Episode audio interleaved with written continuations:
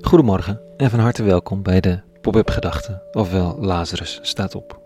Ik ben Rico Voorberg en ik lees ochtends, voordat de dag begint, de Bijbelteksten van de dag. Mijn manier om even stil te staan bij de grote vragen. Al nadenkend schrijf ik de gedachte uit die opkomt, oppopt, zo je wilt.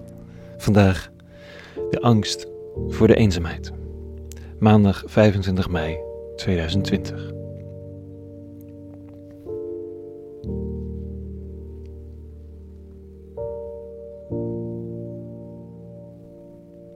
Er is misschien wel geen groter angst dan in de steek gelaten te worden, achtergelaten, alleen gelaten, verlaten. Het zijn allemaal woorden voor hetzelfde effect: dat je het contact en de gezamenlijkheid verliest. Het zal per persoon verschillen hoe groot die angst is. Ik weet in elk geval dat het me altijd weer schrik aanjaagt. Dat de mensen bij me weglopen. Dat men me het goede wenst met alle leuke plannen, maar verder niet echt geïnteresseerd is. Het is mijn nachtmerrie. Vriendelijk knikkende mensen die ik niet meer kan bereiken en die geen behoefte meer hebben om mij te bereiken, waarop elke poging tot contact afglijdt als water van een eend. Gek ook wel, want zonder af en toe momenten van eenzaamheid wordt het ook niks. De stilte van de coronatijd is bij vlagen ook weldadig. Maar alleen zijn, echt alleen,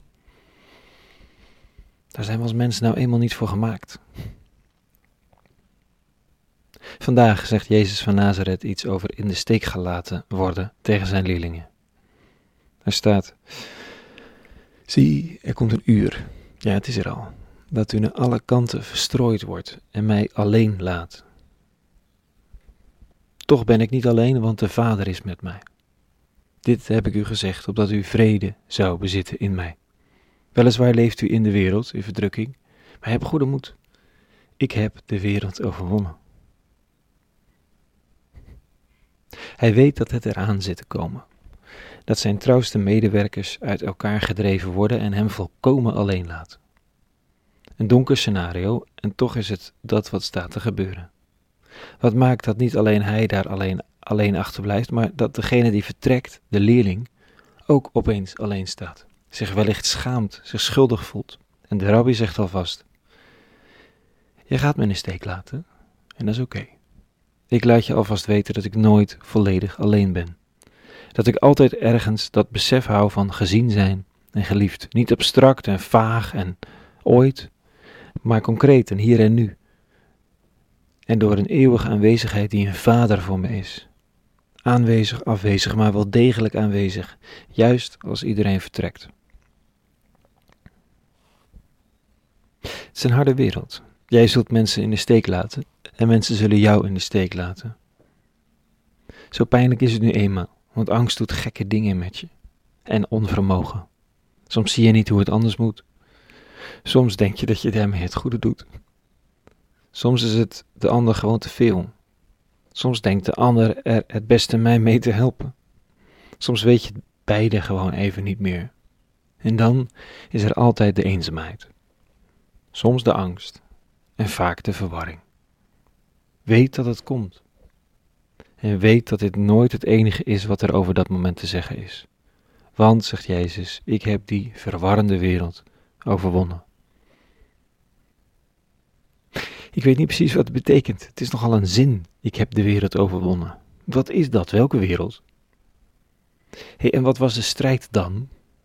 En is het nu vrede? Of alleen maar een wapenstilstand? Weet de wereld ook dat die overwonnen is? Of loopt die wereld getergd rond op zoek om zijn gedeukte ego op te kalefateren door medestanders te verzamelen? Wat is er overwonnen? En misschien is het wel de eenzaamheid en de angst ervoor. Dat de wereld je toeroept dat je het niet redt in je eentje. Dus dat je moet buigen voor de werkelijkheid. Dat je idealen allemaal mooi en aardig zijn. Maar ja, natuurlijk niet reëel Dat je wel kunt denken dat je met kwetsbaarheid, vergeving, staan voor eerlijkheid en opkomen voor het goede tegenover het kwade, dat je daarmee iets bereikt in de wereld. Maar, zegt diezelfde wereld, je komt er niet ver mee. Je zult water bij de wijn moeten doen, voor jezelf zorgen. Je bent nou helemaal geen heilige en niemand kan zonder een dosis cynisme. Hang het ideaal aan de wilgen, anders word je dood of blijf je alleen achter. En JC zegt, de wereld kan wel gelijk hebben dat het momenten van eenzaamheid oplevert. Maar je bent daarin nooit alleen. Ik ben daar. Zoveel anderen zijn daar. En de wereld kijkt machteloos toe hoe de mens de dreiging van de eenzaamheid niet meer vreest. Elke keer als de mens weer voor het goede kiest, tegen zijn of haar directe belang in, en de eenzaamheid of de pijn minder beangstigend blijkt dan je op het eerste gezicht had gedacht, elke keer weer verliest dan die wereld iets van haar kracht. Zie, de wereld is al overwonnen. Nu is het aan mij om te ontdekken dat het waar is. Een hele goede maandag gewenst. Het begin van een nieuwe week. Vrede vandaag. En alle goeds.